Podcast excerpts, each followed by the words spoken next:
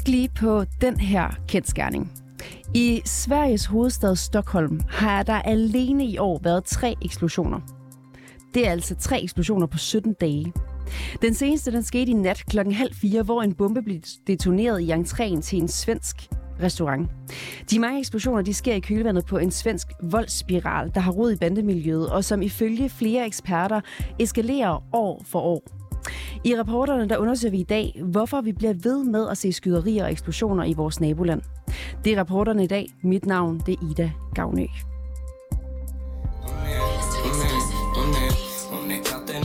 Hon lyser upp hela natten Det är hon kan matten Hon är inte fin, hon är vacker Hon är inte och behöver inga ögon i nacken Men hon Det vi hører her, det er den svenske rapper Einar som i oktober 2021 blev dræbt af skud i Stockholm. Og grunden til, at vi hører det, det er, at vi skal dykke ned i de svenske bandekonflikter nu. I, øh, i nat klokken halv fire, mens det meste af Sverige lå og sov, der detonerede en bombe i indgangen til en restaurant i det hippe øh, stokholmske kvarter Sødermalm. Ingen personer kom til skade i forbindelse med eksplosionen, men episoden sker i kølvandet på en række skyderier, bandedrab og eksplosioner, der i flere år har præget Sverige. I juledagene der blev to personer sågar dræbt af skud, og siden nytår der er tre bomber altså blevet detoneret i Stockholm. Den 2. januar der blev en unavngiven svensk rapper anholdt af politiet for angiveligt at stå bag en af eksplosionerne. Men hvorfor fortsætter den her blodige bandekrig? Og hvorfor ser vi så stor en forskel mellem Danmark og Sverige? Det skal vi nu snakke med dig om, Drude Dallerup. Velkommen til. Ja, tak skal du have. Du er professor i statskundskab på Stockholm Universitet og gæsteprofessor på Roskilde Universitet. Hvorfor bliver vi ved med at se skyderier og eksplosioner i Sverige? Ja, det er også en, øh, en utrolig fortvivlet udvikling, som øh, de svenske politikere, det var jo højt på dagsordenen i den svenske valgkamp her i efteråret, og øh, der er alle mulige forslag, men øh, det er klart, der ikke er nogen quick fix på det her. Øh, det, som jo er så specielt, det er jo, at øh, i gamle dage, der var det kniv, man brugte. Øh, men der er utrolig mange våben, øh, der øh, cirkulerer i Sverige, så og der er utrolig unge mænd, mange unge mænd, som er involveret i de her skyderier. Så det, du siger, det er, at kniven den er blevet skiftet ud med skyderier og også eksplosioner. Men hvorfor er det, det bliver ved med at ske? Ja, det er jo et godt spørgsmål. Øh, det, som øh, der, man sagde i valgkampen, det var, der sagde oppositionen, som nu er regering, den borgerlige regering, nemlig, jamen den tidligere socialdemokratiske regering har ikke gjort noget som helst ved det her. Og den socialdemokratiske regering har sagt, at vi har gjort en masse ting. Vi har hævet straffen for omkring 50 øh, enkeltpunkter. Vi har by, er ved at bygge en ny politiskole. Vi skal have 20.000 ekstra politifolk. Øh, Øh, og sagen er jo i virkeligheden, at man ikke rigtig ved, hvad man skal gøre. Der, alle går ind for højere straffer, og strafferne, strafferne er blevet hævet. Øh, samtidig skal man jo også diskutere, og det gør man jo også, altså det forebyggende. Hvor kommer de her mennesker fra? De kommer fra udsatte områder med dårlige skoleforhold. Øh, de har aldrig fået noget ben ind på arbejdsmarkedet, og der kan ske en vældig stor rekruttering også af, af ganske unge mennesker. Men i bunden ligger selvfølgelig spørgsmål om øh, narkohandlen. Det er narkohandlen, man slås om, og det er narkohandlen. Men der er jo også en voldsspiral og meget, meget hævn i det her. Altså den ene rapper skyder den anden rapper som hævn. Og det viser sig jo også, at i de der raptekster, øh, og det er først nu, det er kommet frem, er der jo faktisk ikke bare ganske voldsomme øh, snak og ord, men også skjulte trusler øh, til at den modstående bande, øh, som så i sig selv, altså mens man 13 og 10-årige unger i Sverige går rundt og synger de her sange, de er altså ikke helt uskyldige. Du siger, at vi ser både narkohandel, og det handler også om hævn i de her øh, bandemiljøer, men kan du sige lidt mere om, hvad vi ved om de konflikter, der foregår i Sverige? Ja, altså det, nu er det jo ikke kun Sverige, det foregår i. Det foregår jo også i, Danmark, men Danmark har, at Sverige har et exceptionelt højt øh, niveau af bandeskyderier. Og øh, en af de ting, som øh, forskerne og også politiet siger, det er jo, at Øh, der bliver flere og flere unge, øh, meget unge, øh, som skyder og dræber øh, hinanden i, i en ung, spi, ond spiral. Men også siger politiet, og det er også nogle af forskerne, der siger, jamen øh, der mangler egentlig en mafiastruktur. Ja, det lyder, det lyder ret absurd at sige det. Men øh, det, de siger, det er, så mange af de høje folk i de her, den her branche er buret inde.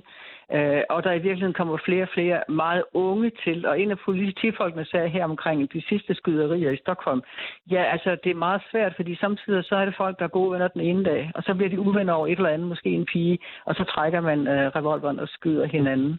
Øh, der er alt for mange løse unge gadedrenge, øh, som øh, simpelthen har en meget, meget øh, kort øh, loans. Hvad hedder det?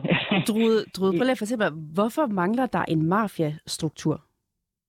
Jamen det, som det politiet siger, så også når forskerne siger, der alle er ikke enige om det her, men, øh, men at øh, det er blevet mere anar- øh, anarkistisk, og øh, det er meget de der unge gadedrenge, som jo ikke har samme opfattelse af, hvad betyder livet, og ingen børn har, og øh, sådan at øh, mens en mafiastruktur vil være, så sidder der en eller anden mafia og siger, nu skal den og den likvideres. Øh, Øh, og så rekrutterer man jo også ganske unge øh, til det. Og en af grundene til, at de, de, man rekrutterer unge, det er jo også, at øh, i Sverige er der såkaldt øh, strafrabat. Altså hvis du, øh, det var der tidligere også mellem 18 og 21 år, øh, den er så stadigvæk nu, men altså hvis du for eksempel er mellem 15 og 18 år, så kommer du ikke i fængsel øh, for selvom du har dræbt nogen, du kommer på en lukket ungdomsanstalt eller sådan så noget. Det. Og det er også en kæmpe diskussion. Så det ville simpelthen være nemmere for politiet at håndtere, hvis det var, at det var en mafiastruktur, man havde med at gøre, og hvis det ikke var så unge, utilregnelige mennesker, som man havde med, med, med at gøre, som var villige til at, at gå langt i de her konflikter, fordi de ikke har så stort ansvar for familie eller whatever? Altså, det, det er selvfølgelig vores nemme måde at se det på, men det er vel det, som, det, er det, som ligger bag ved det, øh, at, øh, at øh, det er altså det er også på impulser her og, og, og små ting. Øh, at de her med eksplosionerne, er jo også en, først og fremmest en markering. Der er stort set aldrig nogen, der kommer til at skade mennesker ved de her eksplosioner. Det er også restauranter, eller så er det en opgang. Men det er også en markering for at sige, jamen vi ved godt, hvor du bor. Så er der en særlig ting, som måske skal med, og det var faktisk den forrige statsminister, socialdemokratiske statsminister Stefan Löfven, som sagde, at det her, det her det handler selvfølgelig om narkohandel, men vi må både, ikke bare se på dem, der sælger, men også dem, der køber. Og det var jo lidt uh, interessant perspektiv, for han siger, jamen der, og dem, der køber, ja, det er jo dem, der er i de rige uh, kommuner, det er jo Danderyd og, og Djursholm. Øh, mens dem, der sælger, de er altså i de dårlige øh, områder med kæmpe arbejdsløshed. Øh, og der sagde han, og det var jo interessant, er også dem, der køber, og der kunne jeg tage det på Danmark, dem, der køber ko- kokain. Mm. Øh, jamen, de bor jo også i Hørsholm og i Gentofte. De er også dem, fordi det er jo også dem, der, der uden efterspørgsel så var der jo ikke nogen, øh, nogen øh, alle de her problemer, eller i hvert fald meget færre problemer, så var der ikke så mange, der ville sælge. Narkohandlen er bunden af det hele, det ligger bag ved det hele. Mm.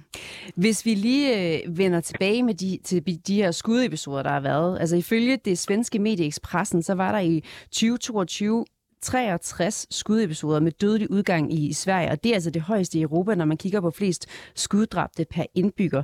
Til sammenligning så var der i Danmark ifølge Ekstrabladet 8 skudsager med dødelig udgang, øh, med i alt 10 dødsoffre. Øh, Danmark og Sverige er to lande, der minder meget om hinanden. Hvorfor ser vi alligevel så markant forskel her? Ja, altså det er jo 10.000 dollar øh, spørgsmålet, øh, som man også diskuterer meget i Sverige. Øh, det interessante var, at i valgkampen, der begyndte man for første gang, øh, det er meget sjældent at kigge på Danmark som en model. Det er ikke sådan, man normalt gør i Sverige. Men lige præcis på det her punkt, og det var selvfølgelig højrefløjen, og først og fremmest Sverigedemokraterne, som jo havde, var på ture i Mjølnerparken, øh, og kom tilbage og sagde, at der er to ting, man synes, øh, vi skal gennemføre. Og det har den borgerlige regering så sat på sit program. Nemlig for det første anonyme vidner, som jo er et, et meget øh, interessant, men også meget kompliceret øh, ting at bruge. Og så det her med visitationszoner. Og øh, begge dele har været stor diskussion i Sverige, fordi det handler jo om grundlæggende menneskerettigheder. Visitationszoner, at behandler man alle folk lige, eller er det mest dem, der er mørkhud, der kommer til at blive visiteret i bestemte områder? Øh, anonyme vidner, ja, vi har det i Danmark, men det bliver ikke brugt ret meget fordi troværdigheden ikke er særlig stor ved anonyme vidner. Mm. Men det har man øh, kigget på Danmark og sagt, okay, det skal vi prøve, siger den nye borgerlige regering. Vi må gøre noget, som ikke er gjort før. Der har jo været en del fokus på, voldelige, øh, altså på voldelige, den voldelige svenske kriminalitet i en del år efterhånden. Er du overrasket over, at den her voldsspiral den bliver ved? Ja, det er... Øh, nej, jeg er egentlig ikke så overrasket over, at den bliver ved. Fordi det er jo en, en voldsspiral, øh, som i meget høj, høj grad hviler på hævnmotivet. Altså den ene bliver skudt, og så skal man hævne det skud, og så den næste er også en hævn. Og det er jo så en voldsspiral. Men øh, derimod er det utroligt svært at komme helt til bunds i, hvorfor at det har udviklet sig så øh, voldsomt i Sverige, i modsætning også til de andre øh, nordiske lande. Øh, og det har noget med en masse våben, øh, der cirkulerer, også for eksempel efter, efter krigen i Jugoslavien, og der kommer sikkert ganske mange flere nu til omkring krigen i, i, i Ukraine. Så, øh, men bundlæggende, så kan man sige, det er sørme svært at forklare, men det handler jo noget om, at den ene drab, det tager det næste med sig. I Danmark, der hører vi indimellem det argument, at Sveriges problemer med kriminalitet, det bliver kædet sammen med integrationsproblemer. Og i 2020, der valgte den daværende svenske statsminister Stefan Löfven i et interview at sige, at der kan være en sammenhæng mellem bandekriminalitet og fejlslagen integration. Er du enig i det synspunkt? Ja, absolut. På den måde, at øh, der er jo en overrepræsentation af, af folk med en indvandrerbaggrund, øh, som kommer fra de udsatte områder. Det er ikke alle folk med indvandrerbaggrund, men dem, som bor i de udsatte og fattige områder. Der er en overrepræsentation, både blandt dem, der skudt og bliver skudt, og helt taget med kriminalitet i de områder. Øh, men Sverigedemokraterne siger det selvfølgelig på en anden måde. De siger, at det er fordi, der er så mange indvandrere. Øh, det, det, som der, du gentager der, du bliver fra Stefan Löfven, det handler jo om manglende integration. Mm. Altså at det også ligesom er et socioøkonomisk problem. Hvordan skal det her problem løses? ja, det, jeg er ikke kriminolog. Jeg er i jagttager og analyserer den politiske debat. Men selv kriminologerne, politiet, de har virkelig svært ved at finde ud af, man gør jo en masse ting, og den nye regering gør også nogle ting. Men som sagt, altså det ene drab, det skal jo hævnes, og det bliver hævnet med det næste drab. Drude Dallerup, som altså er professor i statskundskab på Stockholm Universitet og gæsteprofessor på Roskilde Universitet. Tusind tak, fordi du kunne være med. Ja, selv tak. Bag den her historie, der var Nils øh, Frederik Rikkers, Mille Ørsted er redaktør, og jeg hedder Ida Gavnø.